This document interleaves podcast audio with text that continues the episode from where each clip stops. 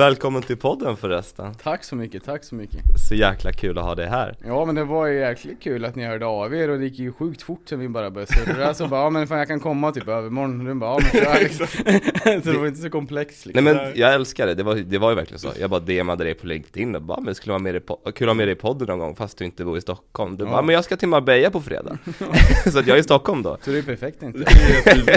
Mellanlanda lite. Annars tänker jag att BK så här, men nu kom typ eh, om tre månader, det här och det här datumet så bokar vi in. Men det var liksom skitsmidigt att komma hit så jag tänkte, fan det är ju asgött ju. alltså. Ja, Det var klockrent. livet behöver inte vara så komplicerat. Nej exakt. Nej men det är kul att du kunde joina. Ja men svinnice tycker jag med. alltså. Men vem, vem är du då, om för de som inte vet? Mm, eh, Karl Stolt då, jobbar ju nuvarande på Runsvänggruppen då som, som konsult för ÖoB. Runsvänggruppen, det är ingen som känner till Runsvänggruppen vilka det är liksom, men det är, det, är- det är ÖoB, gamla som, som är överskottsbolaget. Eh, så där är jag då som, eh, min titel är ganska lång egentligen, det är på engelska, men appellationsansvarig för kundkommunikation och e-handel då. Så att jag är egentligen ganska IT-baserad så, så att man har ju varit projektledare för liksom de tekniska bitarna. Men tack vare att jag är ganska kommersiell så har jag liksom till och med blivit uppflyttad på marknadsavdelningen. Så jag sitter ju på marknadsavdelningen men är, liksom är på IT. Så jag går både på marknadsmöten och på alla, på alla IT-möten liksom på avdelningsmötena. Så jag är liksom en, någon, någon typ av sen hybrid emellan där liksom. Hur blev det så? För i början så skulle du inte jobba inom marknad egentligen. Nej, jag ska jobba helt med, med IT och eh, som ÖB hade ju inget fokus på webb alls liksom. Det är ju ett gammalt heligt företag från Skänningeslätten där liksom det varit duktiga affärsmän som, som har kunnat liksom köpa mycket grejer från både Kina och från då liksom överskottsbolaget då liksom. Så det var ju egentligen eh, Rune Svensson som var en av de här, alltså nu kan jag inte citera ett perfekt, men en av de här fyra som åkte till Kina först, det var ju typ Ikea, H&M alla de, så han var ju en av dem som liksom åkte först där. Och så han gjorde ju jättebra deal, så det fanns inte så mycket konkurrens och det var liksom sköttes ju ganska enkelt. Man köpte in saker och sålde det dyra liksom. Så så var ju affärsidén och det Mm. funkade ju svinbra och sen så tyckte ju de där med direktreklam är ju liksom guld, så är ju alla branscher. Liksom. Så att det var mycket direktreklam, det var ingen webbfokus och liksom ingenting. Så mitt jobb var ju ganska lugnt och skönt. det var liksom så här, ja men allt är liksom papper och penna liksom och det är liksom, ja men det är ändå ganska liksom stillsamt så. Sen såg man ju potentialen i det här liksom. Och sen blir man ju lite rastlös, jag är så som person. Jag måste ha något att göra, jag måste ha mål, jag måste driva och helst ska jag bli lite utmanad. Det ska vara lite så här halvvidrigt att jobba typ ändå. så att eh, jag började ju liksom jiddra typ med alla och bara, men vi måste göra det här, varför gör vi inte det här? Och sen är det ju liksom inte jag har ju själv varit som egen företagare, Om jag sätter beslut, då blir det gjort liksom på en 10 minuter. Så ja, nu gör vi så här, då gör vi ju så. Men i fyramånadersbolag, det är ändå liksom, jag måste ju gå via några instanser. så jag har varit ju typ så här asjobbig mot alla liksom. Så att, eh, men till slut då fick jag ju mycket min vilja igenom liksom. Sen får man ju tacka pandemin för det med. För alla liksom de här papper och penna-bolagen och storjättarna, de insåg ju så här, shit det digitala kanske är ganska bra nu under pandemin liksom. Så att det var nog så det vart liksom att jag fick en, en större roll på ÖB och liksom visa framfötterna och, och härja nog en, en, hel, en hel del tror jag mot vad många andra kollegor gjorde liksom. När, när var det som du kom in på ÖB? Nu är det ju, uff, det känns som en evighet sedan, men fem år sedan var det jag kom in.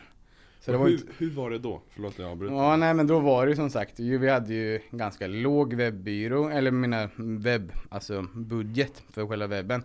Jag tror den här budgeten då var, som min förvaltningsbudget var 50 000 per år liksom. Så det var liksom ingen utveckling alls. Det var liksom typ så här, ja men vi flyttar typ en, en, en typ tabell eller typ snygga till produktkortet eller typ, alltså vi gör väldigt små ändringar typ. Byta bakgrund på hemsidan typ. Det var typ där det räckte till ju. Det är så surrealistiskt att tänka att för fem år sedan la ÖoB 50 000 i budget på webben Ja. per år.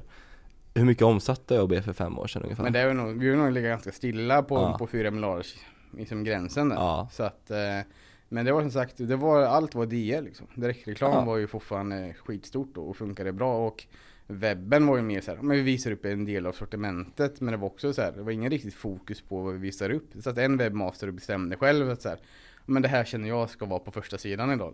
Liksom. Och det gjorde hon själv och liksom, hon var jätteduktig så, så ing- inget mot henne men det var ändå ingen typ kategorichef som kanske gick in och bara men jag vill visa upp det här sortimentet eller hade någon typ av webbstrategi på det här sättet utan det var ganska mycket så här. "Ah, Men vi gör för vi känner för dagen lite med webben. Mm. Men var det liksom på den nivån att hemsidan bara fanns där, det var lite break-even eller gjorde de ändå pengar men bara såg inte jättemycket Ja, potential? men det fanns ju, då fanns ju ingen e-handel, ingenting. Vi visste inte ens Ja, det var bara som en katalog Ja, så liksom, det, det på- var bara en katalog som bara var liksom, fast inte lagersaldo eller någonting. Så vi visade bara Mm. upp en liten del av det. Och vi hade ju som InRiver PIM då, men det liksom sköttes ju med av en person bara. Så den satt ju bara, la in lite produkter, la in lite texter. Fast kanske ingen struktur hur datorn skulle visas. Det kunde ju vara till exempel ljuslykta kunde vara liksom vad som stod på webben. Men på skylten i butiken står det glaslykta. Okej. Men på hyllkantsetiketten så är det jullykta. Så det var liksom Produkten kunde ha tre olika namn för det var liksom ingen som riktigt tänkte på det med liksom Produktdata på det här sättet. Utan det var liksom Det var som, som, som det var med produktdata. Och det Vilda västern. liksom. Ja det var liksom riktig vilda västern. Så det var egentligen det som var mitt största när jag kom in då var ju ett, ett projekt som var för förordning på liksom produktdatan då.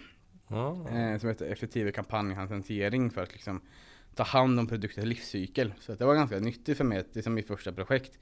Jag kan säga första tre månader hade jag ingen aning om vad jag styrde med liksom. Jag satt ju bara, satt ju bara, satt ju bara med och bara lyssnade och bara tog in liksom och bara Shit, det är så här det funkar. För det var ju mitt första stora bolag jag började jobba på. Så jag var ju liksom bara lyssna. Jag visste inte ens vad liksom ett PIM var nästan när jag började. Liksom. Jag hade ju liksom själv kört liksom någon Shopify och någon WooCommerce butik. Du hade ju liksom produktdatan i sajten. Det var ju inte så att du hade liksom ett externt PIM och, och jobba och skicka data ifrån liksom, utan ditt PIM var ju i, i webbutiken liksom.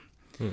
Så det var ju liksom nytt för mig med Mm. att kunna, in, kunna integrera andra system. Så det var ju bara att följa med. Och det som var roligt också var ju att jag kom ju kanske in eh, och hade lite tur. För precis då när vi, när jag var anställd så, så började ju projektet med, med kundklubben med. Som ni pratade om i ert första avsnitt var det personalifiering liksom. Mm. Då insåg ju även ÖB att oj, vi kanske ska ha en kundklubb, vi kanske ska förstå lite vad våra medlemmar vill handla.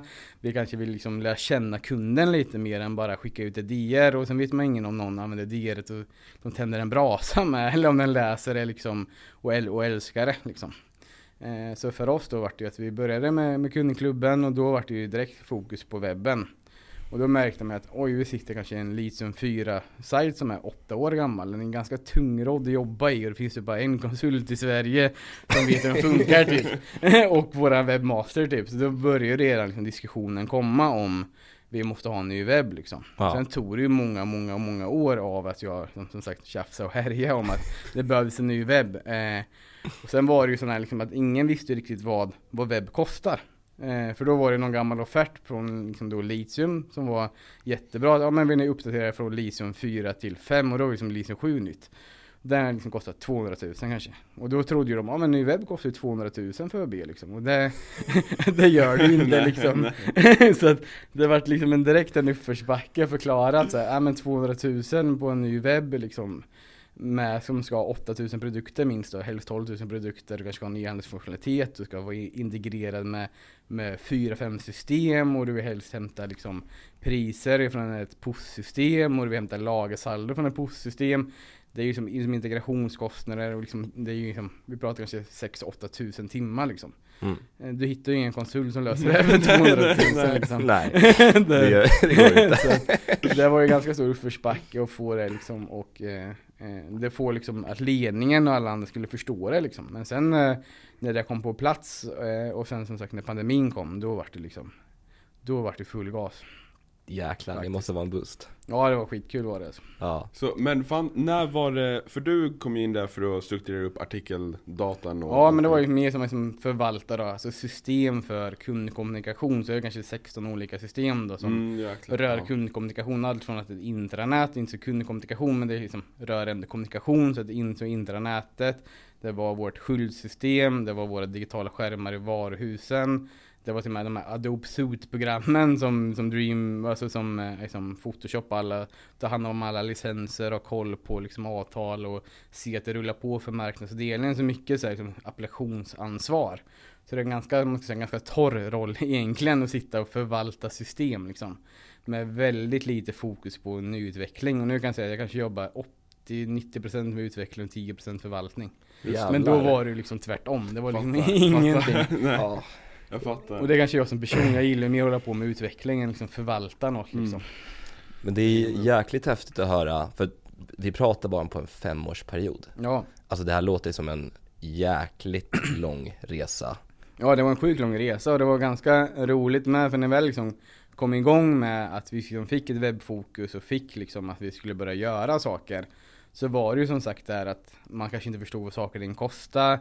Man ändå tänkte, ja men vi ska digitalisera men vi har ju liksom viktigare saker för oss liksom. Så det var inte som fokus. Jag kommer till och med ihåg när vår eh, våran styrelseordförande varit VD en period. För vår andra VD slutade lite halvtvärt så han varit liksom styrelseordförande.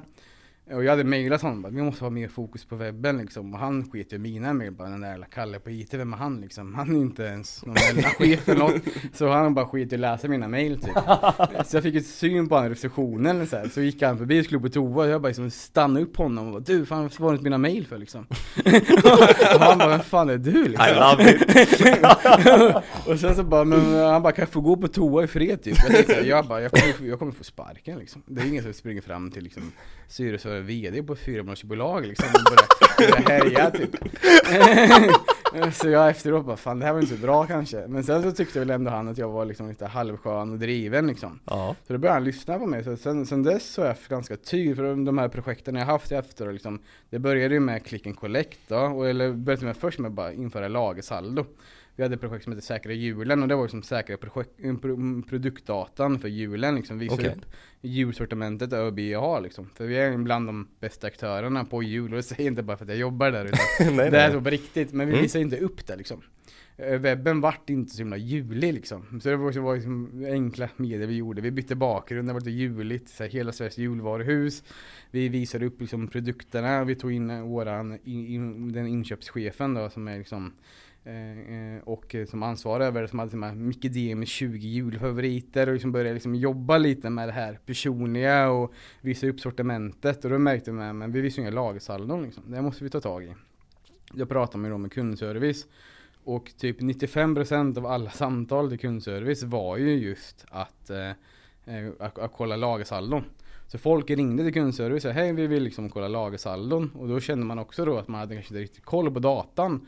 Så man litar inte riktigt på datan i systemen så då tog kundservice och ringde butiken så då fick ju kunden sitta och vänta tills någon i någon butik svarade bara finns det åtta stycken av den här ljusstaken? Ja men ska springa ut och kolla typ. Aj, Så det var liksom jättemanuellt, så då var det Ja. redan där en ganska stor vinst på att få in det här lagersaldot då. Sen känner man att, ja men nu, nu när pandemin kom och det där, det vart ju mer click collect, då, reservera i sin butik och det vart ju en ganska stor hit. Man Mm. märkte att det kom in mycket reservationer på produkter för att, för att det fanns ju inte innan liksom. Och då Sen så kom e-handelsprojektet och sen rullade det ju på liksom ganska hög hastighet så. Mm. Det var ju jättekul att få vara en så stor del av det liksom. Det förstår jag. När, när lanserade ni e-handeln? Vi lanserade första e-handeln nu, jag måste tänka efter. Det var ju precis då när pandemin som utbröt. Man har ju så dålig koll på åren när Ja. man efter Ja, pandemin. jo. Det är så här, när började det typ? Men det var väl var det två, tre år sedan? Eller var? Ja, Ja, det var ju, det. alltså 20, det är ju covid-19 Så Ja. det var ju där, men Ja, nu- 2020 var ju som det Ja. blev en stor grej Ja men så det var ju, här liksom mm, Mm. så jag var ju, jag kommer ihåg då att eh, det kom ju och alla vart ju skitnervösa, ingen visste vad det skulle innebära, det kommer Ja. bli liksom butiksdöd eh, och sen liksom gick ju liksom media ut med att åka inte handla i butiker typ. Och så gick det ut mail på liksom vilka butiker skulle handla i och det var liksom livsmedelsbutiker och ÖB säljer mycket livsmedel men vi var inte med på de där listorna. Så vi fick ju med lite liksom panik att man liksom avrekommenderar lite gå till oss. Sen såg man ju GKs, hur liksom de bara störtade då liksom. Det var ingen som gick till GKs under själva pandemin och vi jämförde oss ganska mycket med GKs ändå. I alla fall i min tanke så. Och då så kände vi, ja men vi måste lansera en e-handel liksom. Jag bara, ja men det kan vi göra liksom. Och det hade jag ju tjatat om innan och Ja. det hade det projektet typ lagts ner. Men då vart det ju boost i det igen och bara, men vi vill ha det nu liksom. Ja, Eh, för vi förlorar pengar liksom, vi måste lösa det nu. Och ett fyramånadersbolag med 94 varuhus, och det blir pandemi, det är självklart liksom påverkan liksom, ekonomiskt ganska stort än vad man tänker själv. Så tiden var ju liksom den viktiga faktorn att komma upp med någonting och börja sälja liksom ut, utemöbler och sådär.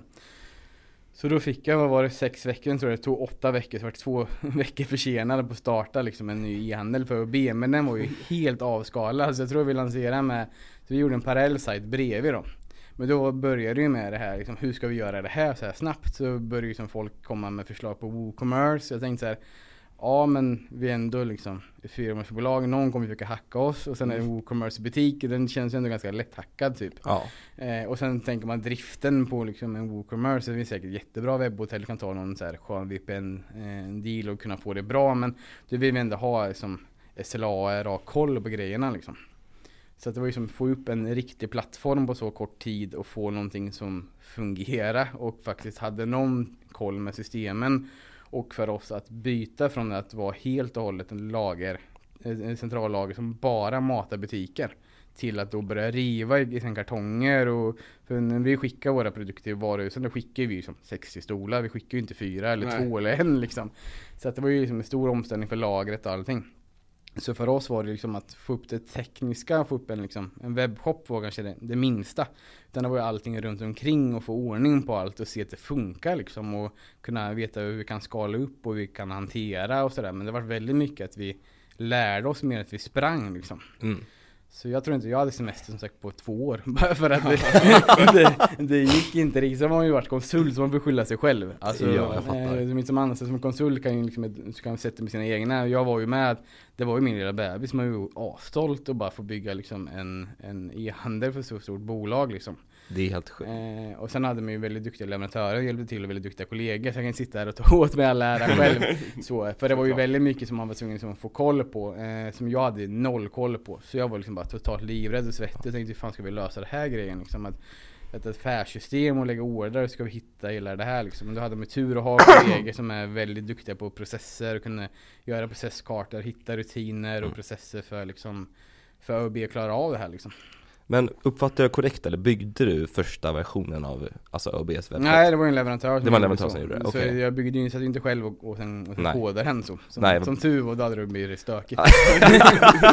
Mer än sex veckor då. Även om man Ja. har byggt lite e- e-butiker själv så kände jag att jag sa det direkt att jag vill liksom inte ha ansvaret. Ja, det, de, ja, det var jäkligt mycket vikt på axlarna. Ja, Att- det hade liksom inte, det hade inte gått liksom kände jag. Eh, och det var ju liksom det som diskuterades i början, hur, hur ful lösning kan vi göra liksom? Mm. För det är ju mycket, i just retail-branschen är det ju sjukt mycket quick fixes och som vi kallar liksom smutsiga lösningar liksom för att Ja. få komma upp snabbt med saker och ting. Så vill man ju liksom bygga någonting på riktigt liksom.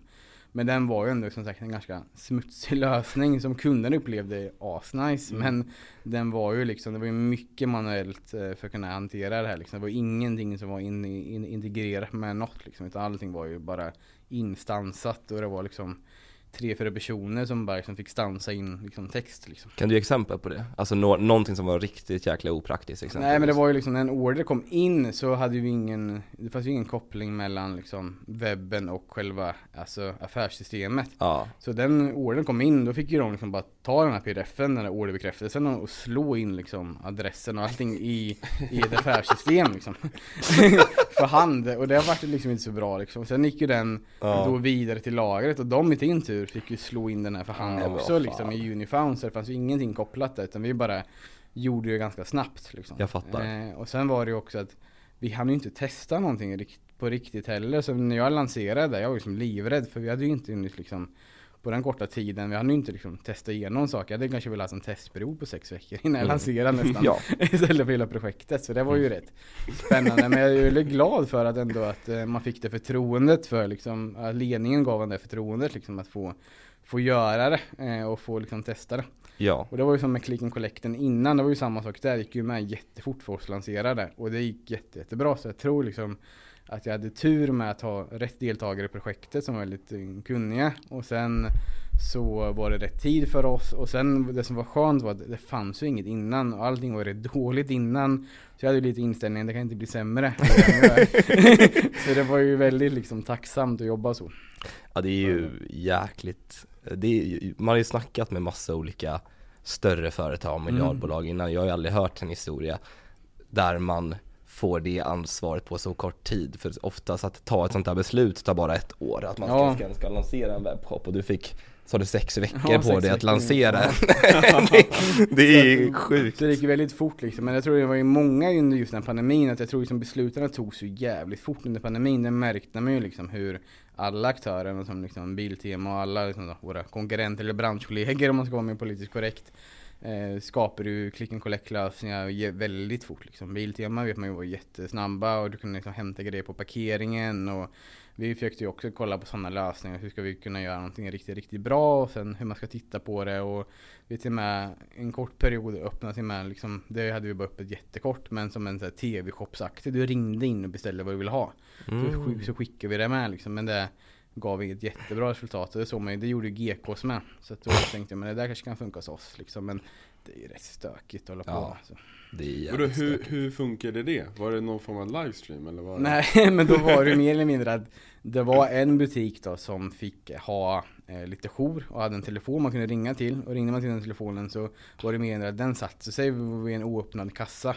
Och liksom, ja men vi la den här och den här sökte upp i kassan och sålde. Och sen så sålde man ju på Klarna då. Så vi har ju Klarna-alternativ i som betallösning. Så triggades sms till kunden.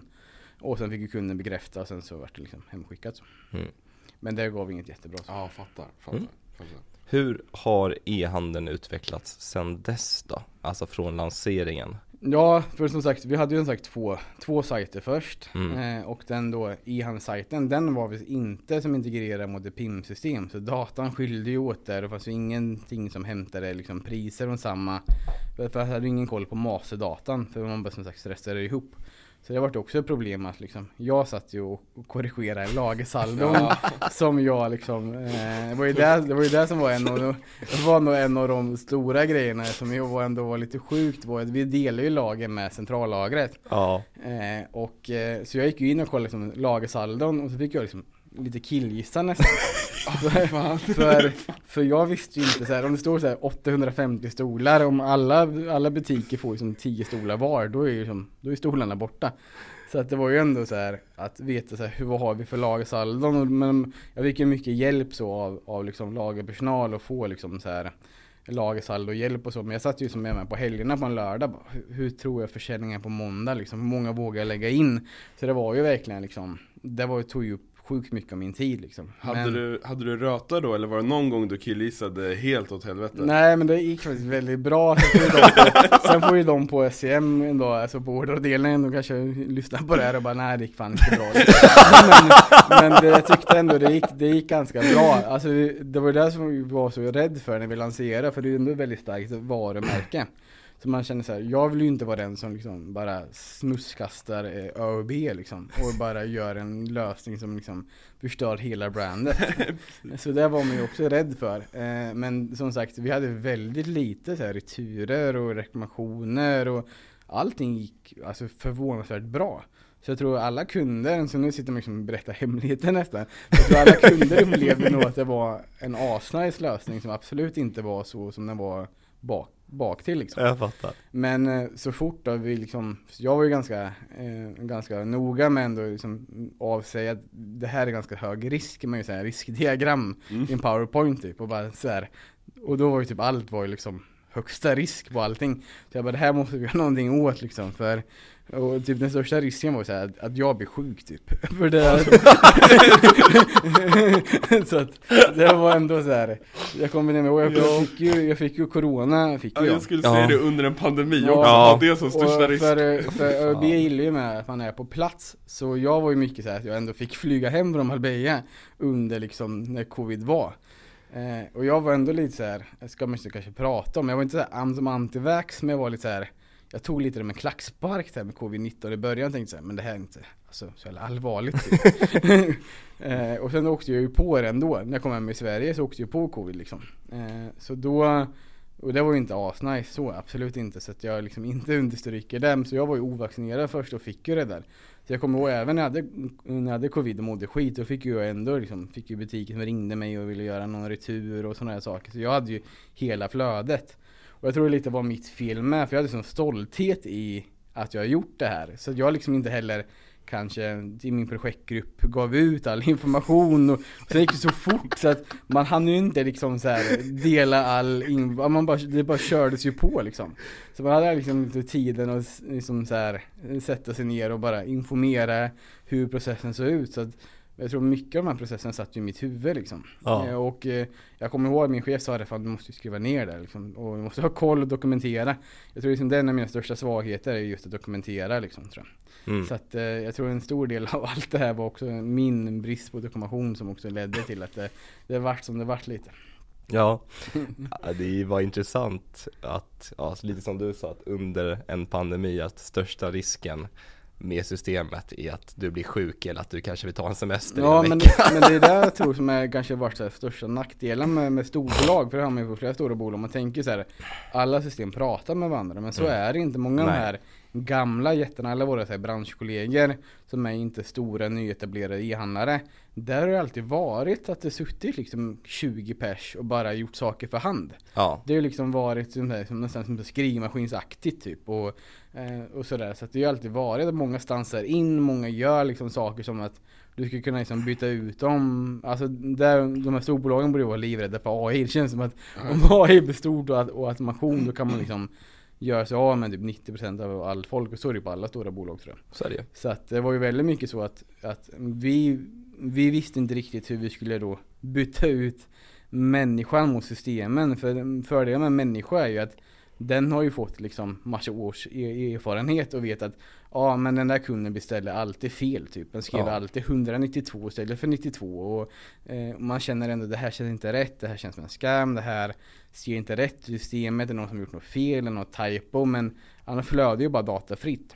Mm. Så jag tror en av våra största utmaningar nu när vi automatiserar och verkligen digitaliserar är ju att att, att göra så systemen på något sätt är gatekeepers också. För låter vi bara flöda vår data, Mm. då blir det ju som strul. Eh, så att det har vi märkt mycket nu när vi har liksom gjort saker och ting. Så, så har man ju sett att datan eh, har ju varit påverkad. För annars så rättar man ju till det. Den som sitter där och bara oj, där står det fel. Liksom. Men nu när man bara skjutsar ut allting så blir det ju mycket sånt man får koll på. Mm. Och att alla på bolaget inser liksom vikten med deras eget, med deras eget jobb. Liksom. Om någon skapar en, här kampanj och skriver ja men Karl Ståhl kampanj nummer sju och sen trycks den, liksom, den kampanjdatan ut som en liksom, kampanj på e-handeln. Det ser ju inte svinbra ut. Nej, Gör det inte. det. Så då måste ju de börja lära sig skriva saker. Så vi har ju våran text som är våran kampanjtext på kampanjen på e-handeln är våra kvittotexter. Mm. Och en kvittotext, du lägger kanske inte lika mycket tid på en, på en kvittotext som du gör på en kampanjtext som står liksom i, i, i en bold-font på en webb liksom. Nej. Så det är ganska viktigt att den personen som skriver kvittotexten i vårt kassasystem förstår att den datan går rakt ut på webben Ja, och syns av en, en miljon besökare per månad liksom. oh, jävlar. Ja. Så att eh, sånt är rätt viktigt då, än att när någon sitter och skriver en för hand, den har ju koll då liksom. Det är fair enough. Hur känner du att eh, ni har utvecklats om du jämför från i början när ni lanserade webben till att eh, För mig är det ändå dag och natt och det Ja. får, man själv kanske vara stolt i för man har varit en stor del av det.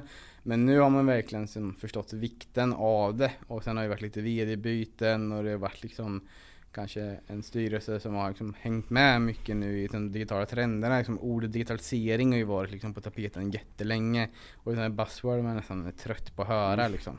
Någon typ Ja. senior advisor som är digitalisering, digitaliseringsexpert liksom och tar typ två lax i timmen. Sådana finns det många av som bara lever gott tror jag. Men så att eh, jag tror vi, vi har fått en, vi har förstått vikten av det eh, och även fått in väldigt bra liksom, chefer Mm. och, eh, och en VD som, som greppar det här. Så att vi har fått väldigt mycket, få jobba med det. Eh, så att som sagt för oss har nog DR varit jätteheligt, vår direktreklam och nu börjar man förstå att kunderna vill ha mer och det som tror jag är en utmaning just för ÖB är också att vi måste även digitalisera kunden. Många av våra kunder uppskattar ju det här liksom, direktreklamen.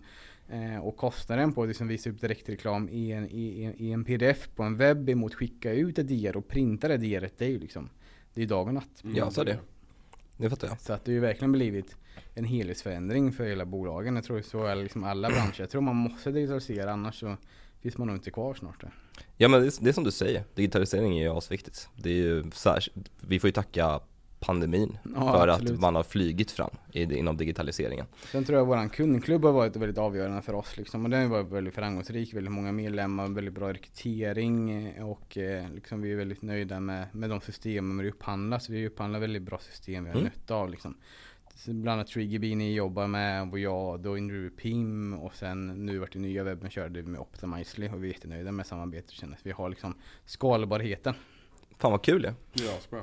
Är, Har ni liksom implementerat mycket nya system ganska nyligen? Alltså jämfört med när ni startade e-handeln som Ja, synkar med varandra men- eller vad blir det- fokuset? Det har vi gjort med, men ÖB har ju varit, alltså alltid, vi har haft en väldigt duktig IT-chef länge som har liksom väldigt påläst och så, men vi har nog inte utnyttjat systemen. Ah, okej. Sen har vi liksom upphandlat ett system och sen har vi liksom kommit ut en ny version, en ny version och vi bara, Ja. men vi, vi, vi skiter i det. Eh, sen tror jag också vi har haft en liten rädsla för cloud som många stora bolag också har. Ja. SAS-tjänster Vissa SAS-tjänster är ju liksom bra på riktigt men vissa är ju bara att de lägger på 20% och sen bara eh, hostar Azure och tar ingen som helst ansvar och bara pekar på Azure liksom om, om, om det blir strul. Så vi, hade ju, vi har ju nu precis gått över mycket SAS-tjänster och ändå Mm. känner att det funkar väldigt bra. Så att vi har nu på riktigt uppdaterat systemen kan man säga, men de bra systemen vi köpte en gång i tiden Ah. är ju nu senaste versioner och de pratar med varandra. Liksom. Det är de, de, de, är, de, är de är integrerade mellan varandra och, och datan flödar. Och, så nu har vi liksom samma data som flödar ett skyllsystem som flödar vår webb, som flödar våra liksom, hyllkanster som etiketter och liksom så att ha koll på masterdatan och det automatiserat liksom. Det är sjukt intressant. Det här vill jag komma in på någonting som är också jäkligt intressant. För ni har ju, hur många varuhus hade ni? 92? 92, 94, någon Okej. kommer, och det är väldigt, så att Det, det är många. Det, ja, det är många. Så det är vi alltid rätta på. Och det värsta Ja, man kan man- säga med, om man råkar säga butiker, då blir man väldigt rätta på ÖB för det är ju som sagt varuhus. Så det är Varuhus. bra att du säger Ja, varuhus. snyggt. Kolla, är bonuspoäng för mig. Ja, det är pluspoäng. Ja men så här, 92 av 94 varuhus. Eh, ni har ju system som synkar jäkligt bra med varandra. Mm. Eh, och hur synkar ni datan från varuhusen respektive e-handeln? Och det är någonting som kan vara jäkligt Mm. intressant att Eh, och höra där, på. där har vi gjort någonting helt annat mot vad många gör. För det logiska hade ju varit att som, som integrerar mot affärssystem. Mm. Eh, men där håller vi på med ett projekt med affärssystem och, och kanske byter ut eller tittar på att byta ut. Vi har ett gammalt eh, affärssystem från 2007 så det är liksom svårt som är som integrerat och det är liksom det händer ganska mycket system från 2007, det modifieras väldigt mycket. Så, så här, basfunktioner har ju någon kanske moddat sönder och sådär. Så vi valde ju att liksom integrera allting med vårt postsystem. Så Mm. mot kassan och för förenkla. Så att kassan hämtar vi lager och priser ifrån. Mm. Och även då kampanjer från kassan. Så att all, så all, så alla priser, både ordinarie pris och kampanjpriser hämtas direkt från kassan och lagersaldon. För när någonting säljs så räknas ju ner, i kassan. Så på så sätt har vi fått liksom realtidssaldo nästan. Nice ju. Så det är ju en, en stort lyft mot innan. Ja. Innan hade vi inte någon koll på det liksom alls. Utan nu har vi det på riktigt. Så det är ju den största fördelen vi har nu. Det fattar jag. Eh, Så därför är jag personligen, nu ska inte jag säga för mycket, men jag är ju sugen på en click, click and collect lösning där. Alltså en riktig click and collect lösning.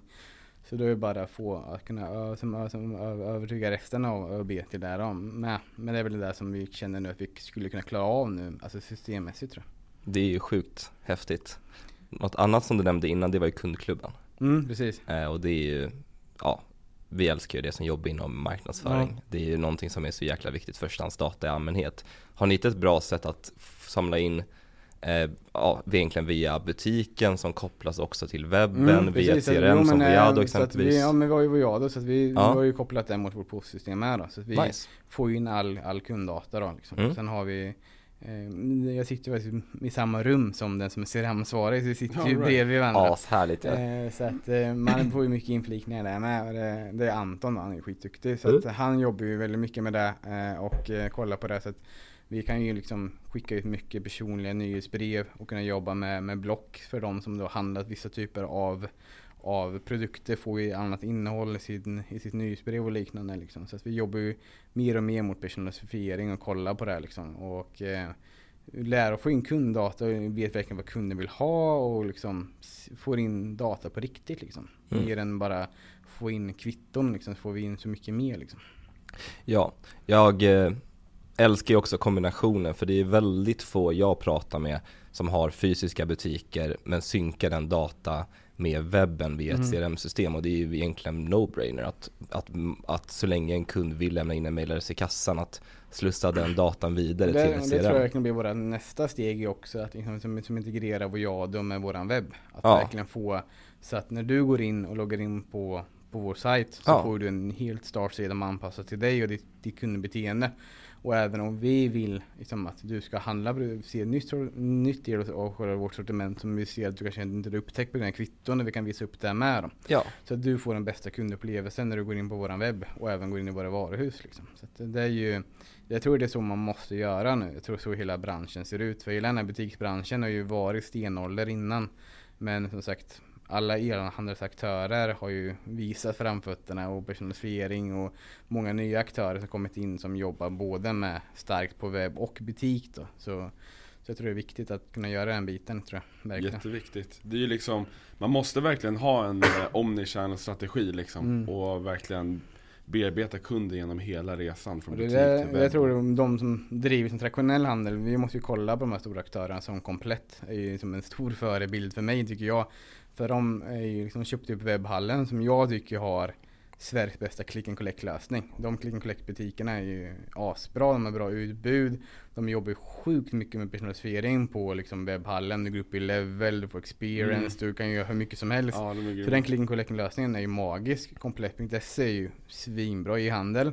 Och sen nu med NetOnNet-köpet så har de ju liksom en av de bästa liksom, butikslösningar med lagershop med. Så de har tagit omkända i en helt ny nivå med tre olika brands till med. Så det är de mycket jag tittar på och tar inspiration av. För jag tänker de har ju verkligen lyckats tycker jag med, med den biten liksom. Och det är en sån hård konkurrenssatt bransch. Och jag tycker man ser ju nu hur Mediamarkt backar och allting och, Komplettgruppen och jag ser, har sett på senaste, de växer ju bara liksom. Så att någonting gör ju de väldigt rätt så jag tror Ja, man ska titta verkligen. mycket på dem. Ja, men det, tror- det tror jag ni, ni är helt rätt i.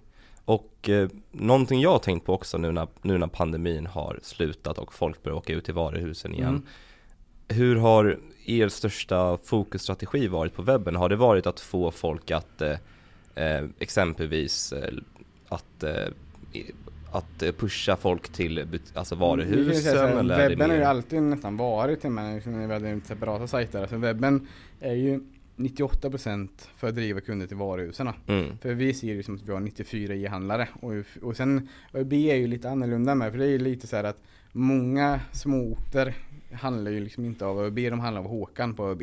Ja. Så det är verkligen så här, så vi har väldigt mycket så vi har jobbat med, väldigt lokalt och eh, starka så. Så våra varuhus och den driften är ju är det viktiga för oss. Så det viktiga tror jag för oss är att ha en webb som visar det breda sort- sortimentet, visar lagersaldon och förhoppningsvis på, på sikt kan få en riktig click and collect så att du vet att du kan hämta ut varorna så du kan click and collecta de här stora trädgårdsmöblerna och sen besöker du butiken, du hämtar ut det och sen kompletterar du med kuddar och tillbehör och sen köper du kanske läsk och, och vad som helst i kvällen liksom. Så köper du snacks och allting när du ändå är där och sen eh, allt annat så får du liksom hela he, hela din upplevelse klar på ett väldigt smidigt och bra sätt. För jag tror det är det som är viktigt nu att folk blir mer och mer bekväma tack vare e-handeln. Och man ser ju på de här liksom Instabox och Budbee som kan liksom leverera nattetid och så. så kunder är ju blivit väldigt bekväma. För du får ju en väldigt liksom skön upplevelse ofta på att handla på nätet. Mot att gå in i en butik och leta och fråga någon tror jag. Som gör inte folk längre. Det är ingen som går runt och frågar vart, vart är tomaterna? Och skiter de många tomaterna liksom. det är ju, men det är ju så på riktigt. ja men det är ju det. Jag märker själv när jag handlar och bara fan nu har jag letat efter typ de här oliverna i typ åtta minuter, då skiter jag i det liksom. Ja, och då så går ju varje gång till Citygross för där vet jag vart allt är. Ja, precis. Så Ja. går jag ingen annanstans liksom. Så jag tror att, men det är ju så, man blir ju väldigt bekväm i sitt, i sitt beteende på att handla liksom. Så jag tror att det är också vi alla behöver göra, är att jobba med det tror jag. Verkligen. Och vi har pratat en del nu om click and collect. Mm. Och vi är lite nyfiken över för att, jag vet inte om jag helt missförstod kanske, men ni införde click and collect innan e-handeln. Ja precis. Och sen har du pratat om att utveckla Om jag den, utvecklar lite- click and collecten och gör den på, på riktigt, för nu är det mer att vi reserverar varan i butik, så ingen transaktion gås. Okej, Ah, Så att du, alright. det är mer att du reserverar i, i sin butik då. Så att, men vi, vi kallar det click and collect men det är mer egentligen reservationsfunktion. Mm, liksom, funktion, så. Okay. Eh, men eh, vi skulle göra en riktig click and collect där du kan handla på, på nätet så. Och jag tror också för oss här, vi använder ju mycket Klarna på nätet, det är vår min betalningslösning vi har på Klarna, vi har Klarna Checkout och vi märker att det finns en hel del som tar på av, av, av, av sin betalning. Vi har ju kundsegment som kanske är lite mer utsatta än vad resten av, av liksom, man jämför med ICA eller vilka som helst. Då. Eh, så vi ser det ganska stort och vi har ju även det sen, vår, sen, vår, sen våra butiker. Men jag tänker själv att många kanske inte vågar chansa i sin butik. Tänk när man står där med liksom massor grejer i en varukorg och bara, men jag skulle vilja ta det här på, på delbetalning. Liksom. Bara dels kanske lite pinsamt att, att fråga kan det vara för många. Sen även om, om du skulle bli nekad så är det ju det inte jättekul. Om du står där med stor liksom, loungegrupp och bara jag betalar på avbetalning så bara nej, men du gick inte igenom. Men sitter du på webben och du får liksom ett nej. Det är ju ganska, det är bara du och din datorskärm liksom. Som vet om att det hände.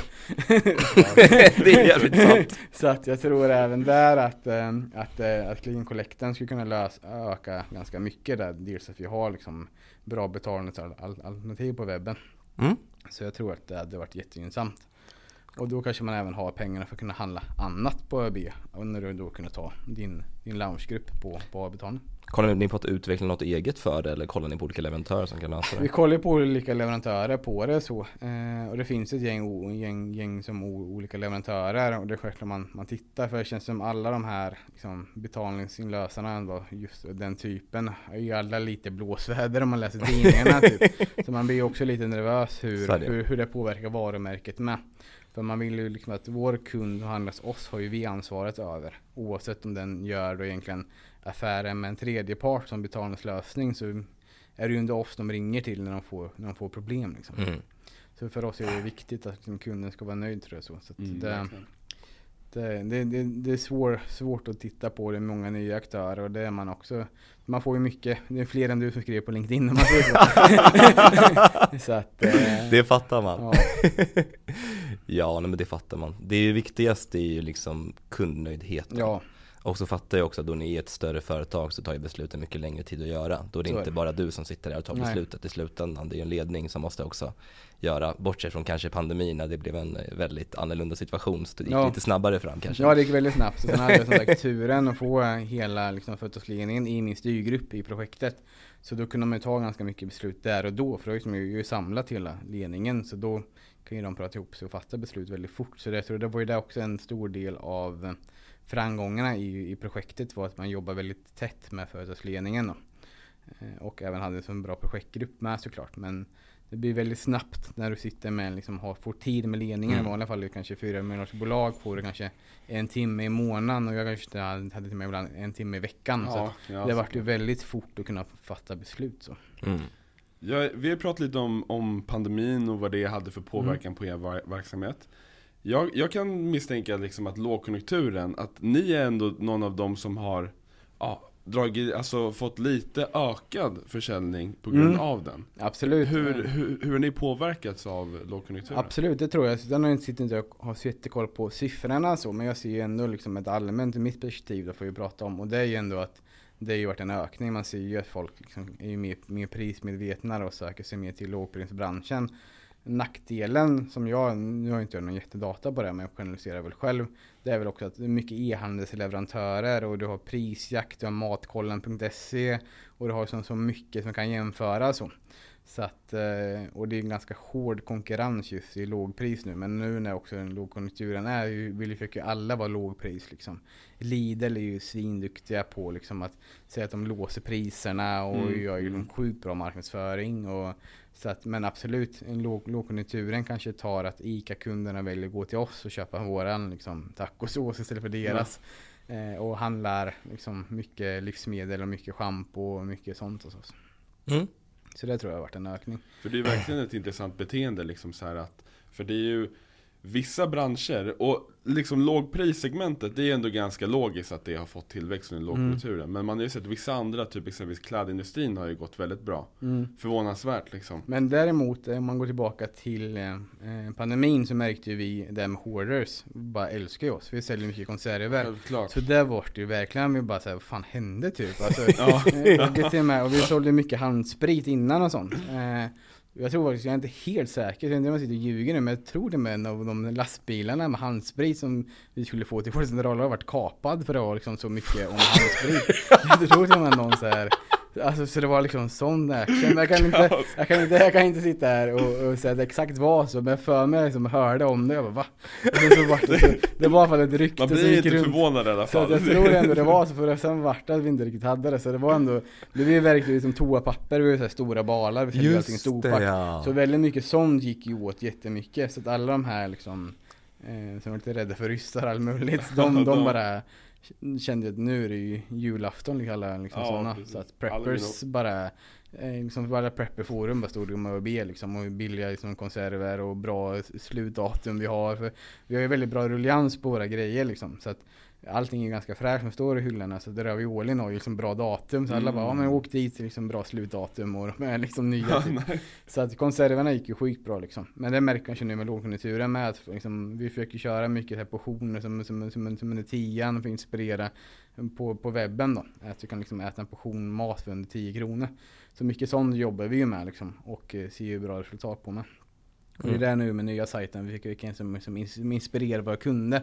Nu har vi liksom verktygen till att kunna liksom jobba med vår content på den här sajten. då. Den andra var ju väldigt tungrodd, den innan vi hade det var liksom Du var ju tvungen att kunna liksom, programmera och koda själv för att göra saker. Liksom. Nu, nu har vi ett bra liksom, CMS-verktyg du kan jobba i. Så jäkla skönt. Så det är ju riktigt skönt. Ja det måste vara jäkligt skönt för dig också som ändå var med från början där det var Mm. bara ett stort, ja lite av en gryta nästan. för de, vi hade så gammal CMS på den tiden så det var ju ganska mycket som programmeringskunskap och kunna ändra saker. Och sen kunde ju som saker och ting bli fel när det är någon som kanske inte riktigt är en programmerare som är mer en marknadsperson sitter och ändrar något. Och sen trycker han på spara och sen bara oj shit hela sajten vart lite sned typ. Då, då var det ju ändå jobbigt. Alltså, nu, nu har man ju ändå någonting som liksom man vågar göra ändringar väldigt snabbt och jobba med det och liksom ha liksom ett bra CRM-system och, Ja. och titta på sånt. Och sen tror jag även börja kolla mycket på, på A, på A, på AB-testning. Mm. Nu när vi har en kundklubb och vi kan liksom jobba mycket med dem och börja med AB-testning och kolla på det liksom.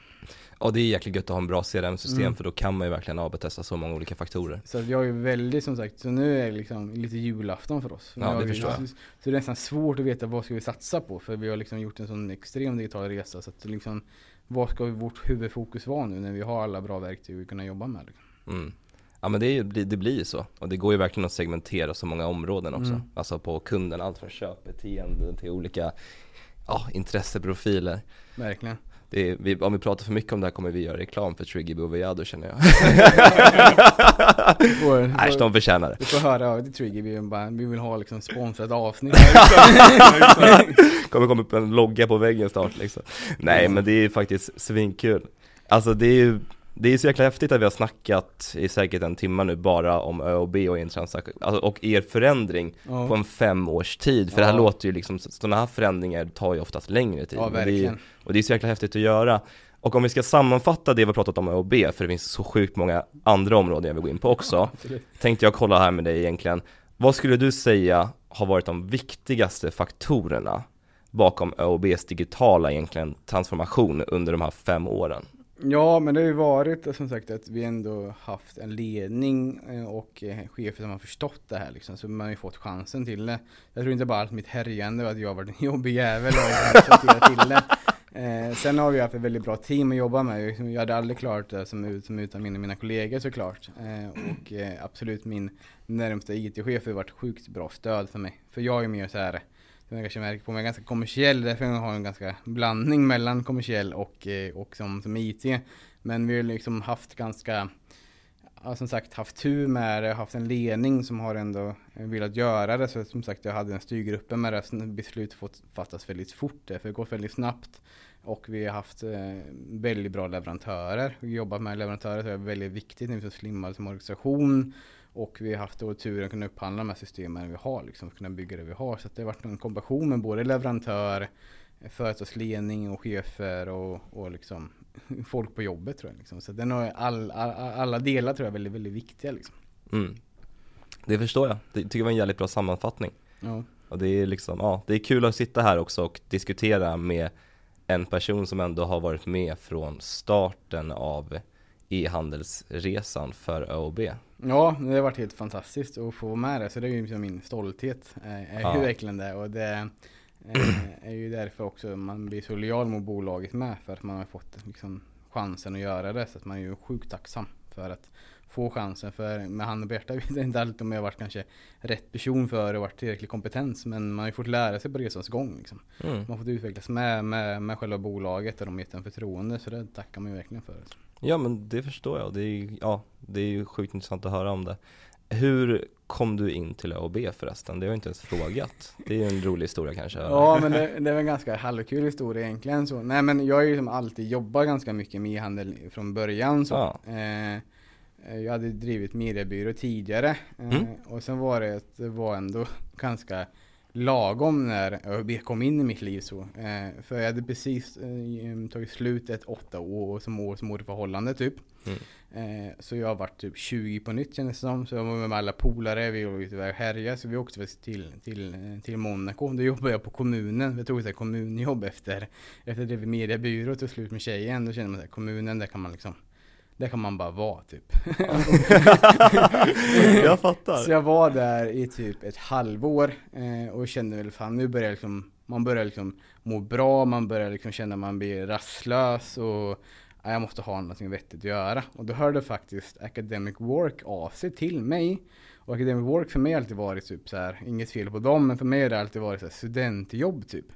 Så de ringde så här, hej eh, jag ringer för Academic Jobb, eh, skulle du vilja jobba på ÖB typ? Och jag bara la på luren, för jag kände så här, jag kände så här, jag hade, jag, jag, för jag hade ju ändå så här, för jag hade ju ändå så här LinkedIn, jag hade ju drivit, drivit mediebyrå, så här, fyra mediebyråer och ändå kände mig ganska framgångsrik Ja, ja, och, och liksom ändå kände så här. Så jag antog att Academic Work och jobb på ÖB, att jag, jag var helt hundra på att det var kassajobb de Ja, jag liksom tänkte såhär, fan vad har hänt med mitt liv nu? Var det här kommunjobbet som förstörde det hela min karriär liksom.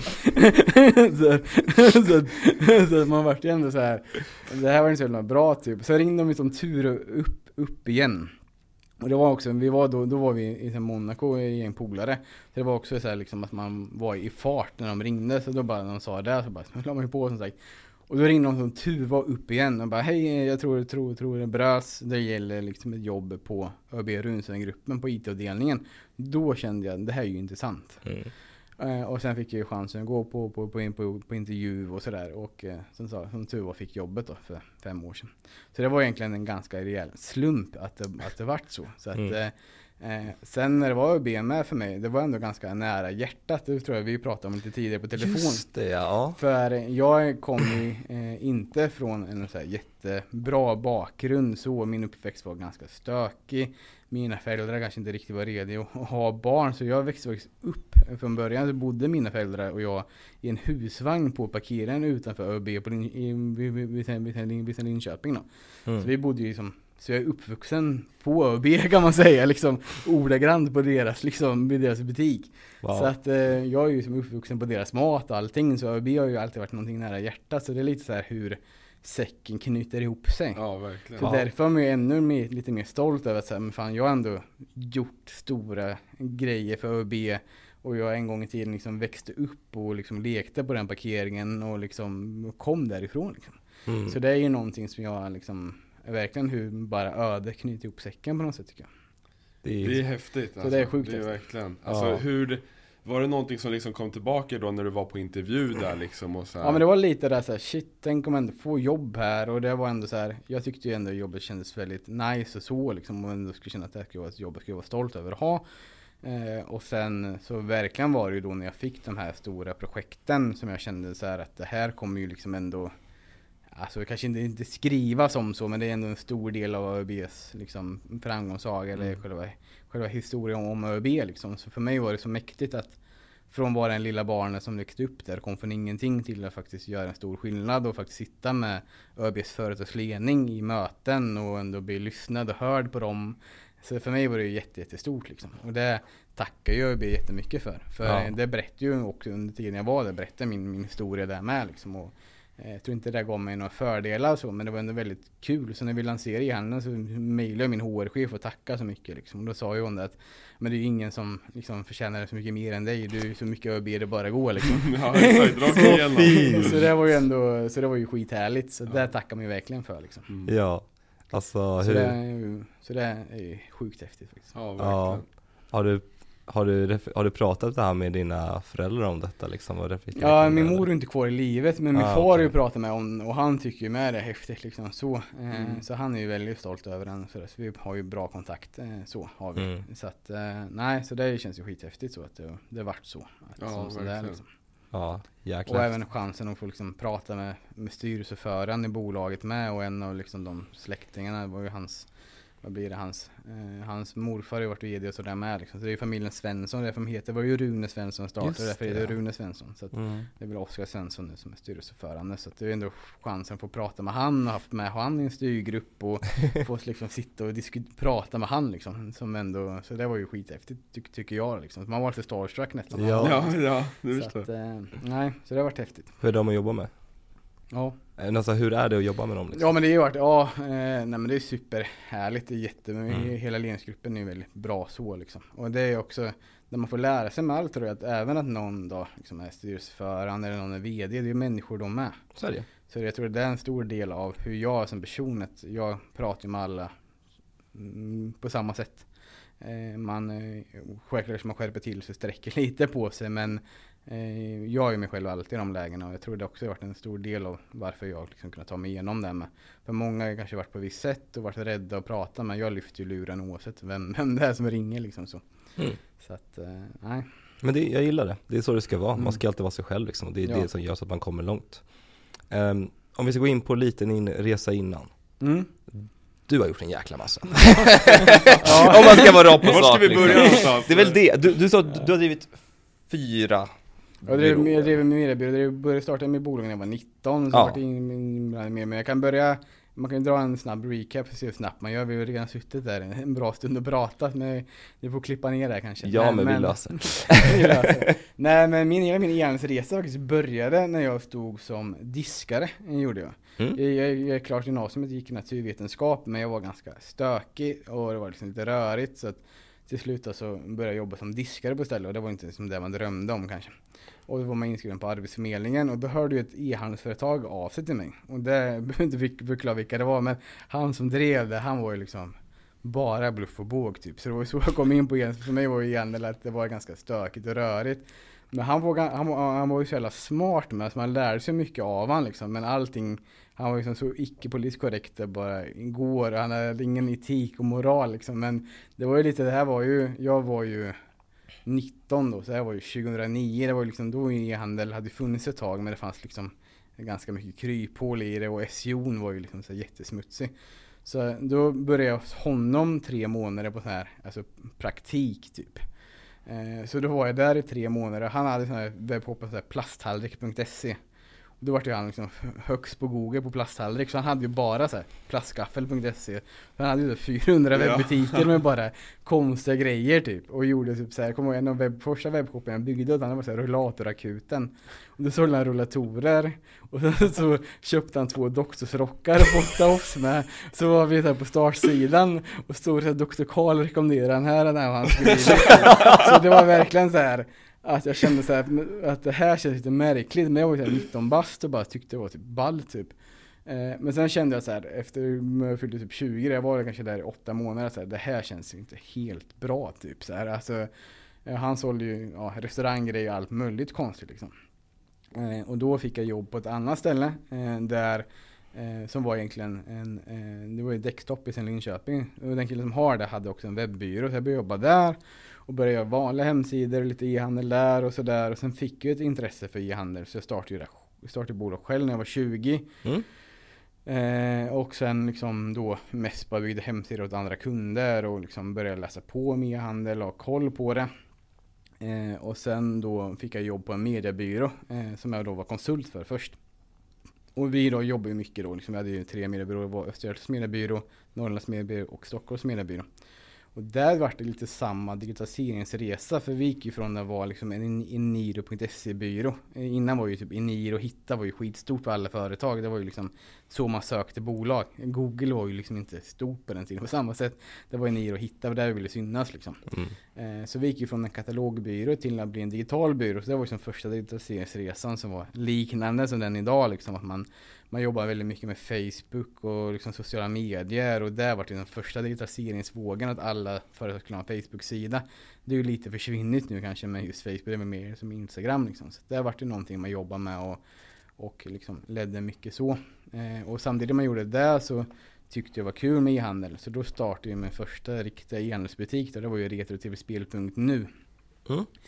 Och det var egentligen för att min sambo klagade på att mina privata pengar gick till att köpa retro-tv-spel. För jag vart ju såhär, med allt blir jag väldigt att jag vill ha det bästa liksom.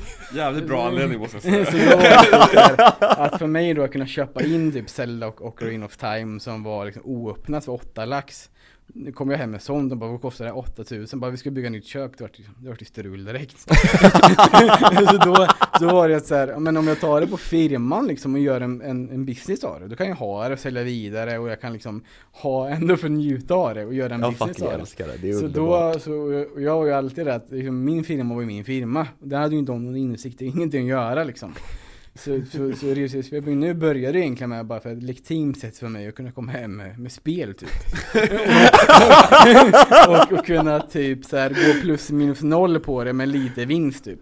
Det är eh, asnice. Men det vart ju tyvärr, alltså tyvärr, men det vart skitstort ganska snabbt för att alla i, i, den branschen var också liksom stenålder. Det var liksom alla sålde på marknader och sådana här retrospelsträffar och så här retro gathering och sådana där grejer. Så att så hela branschen var ju också så här, lite som då ÖB var från början. Vad man än gör så kan man göra det bättre typ. Om man kan lite om marknadsföring och har lite koll.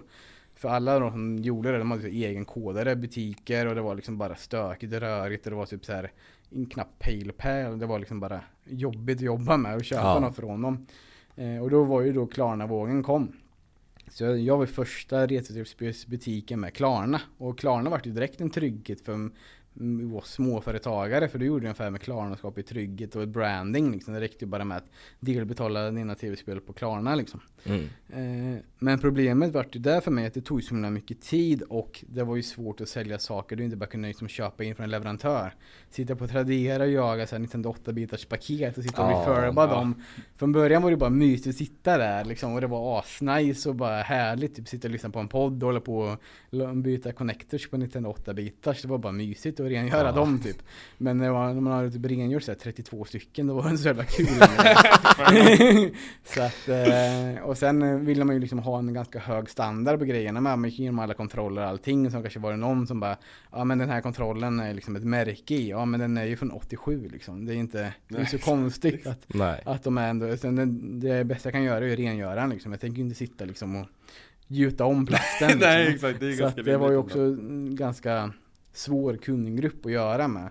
Ja. Eh, sen har jag alltid gillat att göra affärer, men det jag tyckte var jobbigt just att göra affärer med retro-tv-spel var ju också att den branschen var ju ganska mycket, kunde generalisera, med mycket nördar i. Mm. Man märkte att folk hörde av sig och bara ville sälja spel till mig bara för att få kontakt med mig och bli kompis med mig typ. Ah. Och då kände man så här att det kom någon stackare och typ gick på kanske, var sjukskriven och ville sälja grejer till halva pris för bara vi var kompis med honom. Ah. Och så det vart det också så här jobbigt att, för jag vill ju liksom tjäna pengar men vill inte tjäna mm. pengar på på, liksom, inte vara som på svaga människor nej, liksom. Nej. Så att det var liksom en svår affärsmoral plus var tidskrävande. Så den butiken la ju tyvärr ner. Jag tror alla i branschen var så jävla glada när jag la ner. För att jag var så himla konkurrenskraftig. Och jag var ju inte heller tvungen att liksom driva det här med vinst och ha liksom en vinstmarginal. Så jag var ju lite så här, går jag plus minus noll och gör lite vinst så är det bara kul liksom. Mm. Eh, för de andra sålde Nintendo 8 bitars 8 bitars i för 1800. Jag sålde den för 700 så jag dödade hela branschen liksom. Ja. Så alla ringde ju upp mig de där retenördarna bara, vi gör det liksom. så jag, Fan, vad kul så lite revolutionerar man den branschen med och jag tycker det är ganska kul liksom att ta över sådana här konstiga småbranscher. Mm -hmm. ja. eh, så det gjorde jag ju länge och sen har jag bredvid eget och sådär. Sen som sagt han är på Runsven och sen eh, Men vilket år var det här? Bara för att vi ska ha liksom koll på och, ungefär. Ja, det var då jag tror kanske jag var 25, så det var 2015 typ. Okej, okay, ja. Jag tror den Facebook-sidan retro-tv-spel.nu, att den finns kvar. Man kan gå in och kolla när den skapades kanske. Sålde du den eller? Ja, nej, alltså det var jag tänkte göra. Jag tänkte, hela, hela butiken var ju klar. Så jag tänkte mm. lägga ut den. Sen var jag bara såhär så jävla lat och tappa liksom fokus på den. Det var ju samtidigt då också det här breakupet var med, med, med min dåvarande sambo. Så jag kände såhär, fuck it typ. Och sen tror jag att här, domänen löpte ut och sen direkt så hittade någon så här domänsida upp den. och som köpte den. Men jag tror jag har kvar så här på Loopet, så här databasen och allting så jag skulle kunna bara flytta över allting och få upp den igen typ. Men Ah. nu var det ju ganska många år sedan. så den Ja, versionen det- av Wordpress, hitta den och Den lär nog, installera. och den lär så- nog krascha så liksom. den är nog bara, den är nog bara död. Men, ja, eh.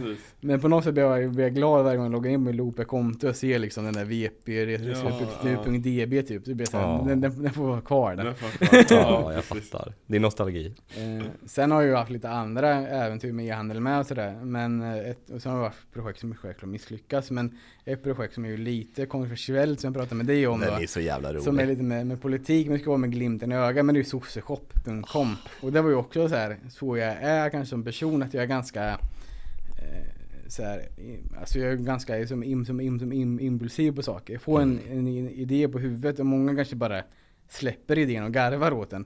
Men jag gör ju sådär verklighet av den ofta. och det är både gott och ont. Ja så men det är underbart. så att det var typ i, när vi satt i karantän i Marbella så hade vi precis kanske gjort det med click and collect och det hela hade lugnat ner sig lite i, i sen där avseendet. Men när vi satt i pan, när det var pandemin i Marbella fick du inte gå ut. Nej. Det var utegångsförbud, du fick inte gå ut. Vi fick gå ut med hunden tre gånger per dag. Så det enda min sambo och jag gjorde, vi typ bråkade om att vi skulle gå ut med hunden typ. Och så kunde vi bara jobba, så jag var ju som perfekta konsulten för ÖB, för jag hade ju inget liv, jag bara kunde jobba. De bara yes! Så att eh, då på lördagar, det enda man gjorde då var ju typ att du åkte till Lidl och köpte mat och typ la vinflaskor längst ner i matpåsarna för man var ändå rädd att bli stannad polis så gick ju de igenom och kollade vad du hade handlat så du kunde ju inte bara åka till Lidl och bara köpa vin. Så när du köpte vin köpte du mycket vin. Ja. Så då var det Ah. typ, faktiskt med handen på hjärtat tror jag, typ en rödvinsfylla. Jag satt och bara kom på det här med sosseshop. Med en polare, vi satt typ bara och, och lirade kod tror jag. Och jag bara, fan det där är en ganska skön idé typ. Så jag bara, du men vi hörs sen, vi avslutar, så jag avslutar gamet. Och sen gick jag in på Shopify och bara liksom köpte domänen sosseshop.com. Och sen bara gjorde typ en logga. Och sen jag bara, fan hur ska jag få det här och liksom ta fatt liksom. Starta en Instagram med en och liksom, det går inte liksom en följare och liksom marknadsföra även. Så kände jag så här, jag hade ju ändå Jan Emanuels nummer. För vi hade ju ändå på något sätt pratat lite vidare och sådär med andra grejer. Och jag har, har, har några vänner som känner honom. Så jag tänkte såhär, fan chansa liksom. Jag måste ha liksom druckit på glas rödvin som hade liksom det rödvinsmod. Så jag bara ringde Jan och bara, du fan, kan vi, jag tror det var liksom en lördag vid typ 8-9 och han svarade ju liksom. Och bara, jag bara, du, är det, är det, lugnt om jag trycker ut grejer med ditt ansikte på liksom? Så alltså, du, den här bilden, det är en jättefin bild, så han hade ju sin Instagram. Är det okej om jag tar den och bara trycker tröjor på och skriver sista sossebossen på typ? Oh my god! Och han, och han bara typ kör liksom, kör! Ja jag älskar det! Så jag bara fan vad nice typ. Och så då skickar jag till han varje gång bara, är, är den här okej typ? Alltså såhär, alltså grundtrycket. Och han bara, ja fan kör liksom. Och sen så la vi ju den, sen taggade ju han liksom på Instagram. Och då han delade ju dem direkt, så han var ju skitschysst och inte liksom, tog en spänn av mig. Så och så fort nice. han delade det där, så bara, det bara öste på som fan liksom. Jag tror liksom första dagen hade så här 50 eller 100 000 besökare, hade så försäljning med 30 000. Så jag bara, shit det är helt sjukt, jag har lagt en spänn och det var första dagen. Och det var ju samma sak jag sa till dig med, det är inte heller kanske etiskt okej, men då satt man där och bara, fan inga köpvillkor, vad fan ska jag göra? Liksom.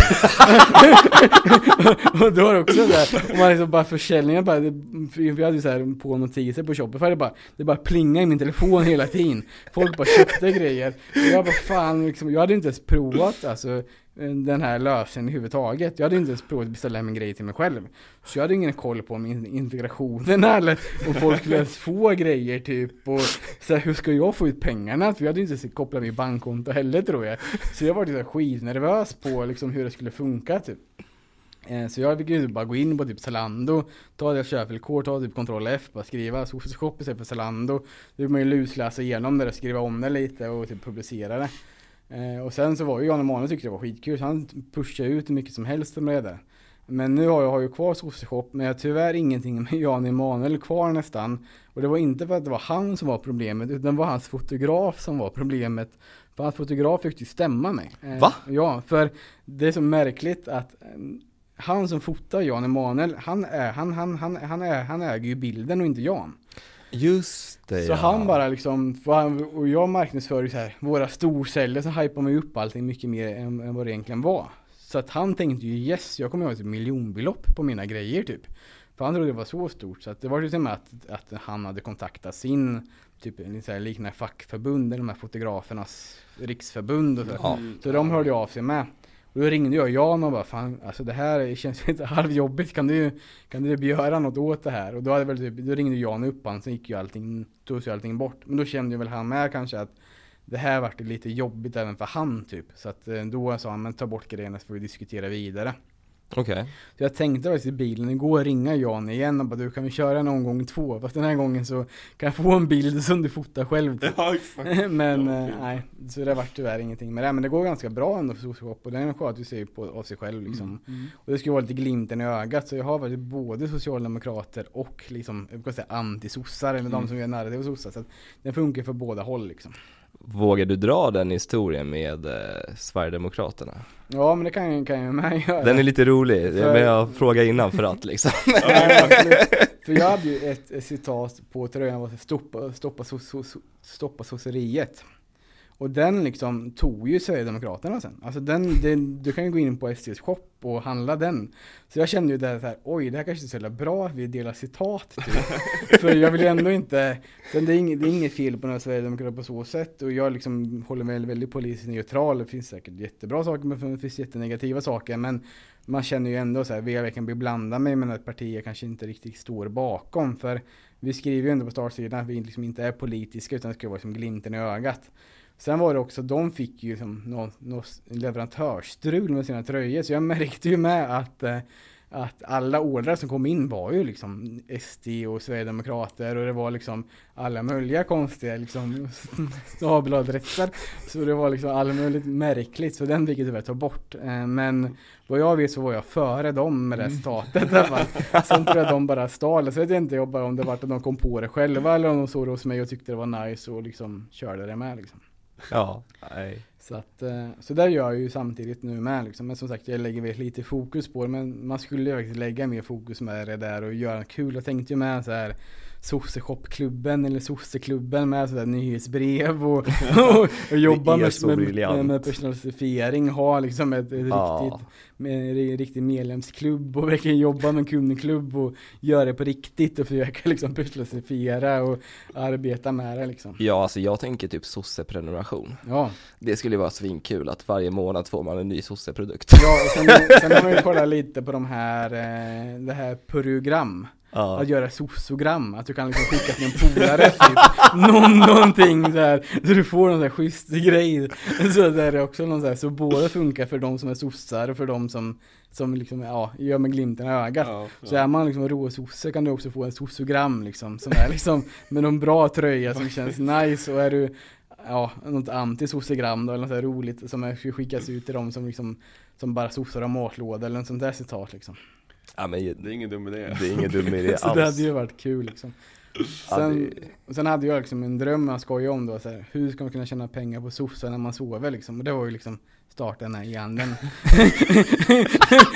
Så det var liksom en av, en av grunderna som började liksom Som vi satt och surrade om när vi liksom spelade kod typ så här. Hur ska vi tjäna pengar på sossar medan vi sover? Jo men då Vi startar en print on demand butik Så det var ändå Åh. rätt kul liksom. Och det var också roligt att jobba så med liksom man, så att det finns mer i Shopify. Shopify är liksom en stark plattform för mindre småföretagare. Man har fler Shopify-kunder och, och även jobba med print on demand. För man ser ju jämt sådana nyheter, hur du ska bli miljonär snabbt. Så är det typ någon sån här YouTube-reklam, så är det alltid här print, print on demand. Och det kan ju säga att du blir inte rik på, på print, on, print on demand. Det kan säga alla som lyssnar på det och e-handeln att är, är det någon sån här e-handelsguru som vill ge tips på hur du skapar en print on demand eller dropshipping, det, det, är- det är mycket jobb. Gör något annat istället tror jag. Ja, det är tuffa marginaler. Ja, Ja men exakt, det är ju, det är väldigt sällan man, det gör, man, gör, man gör det som en hobby liksom och lär någonting utav det. Men ni blir ju inte nästa Nike eller Adidas liksom.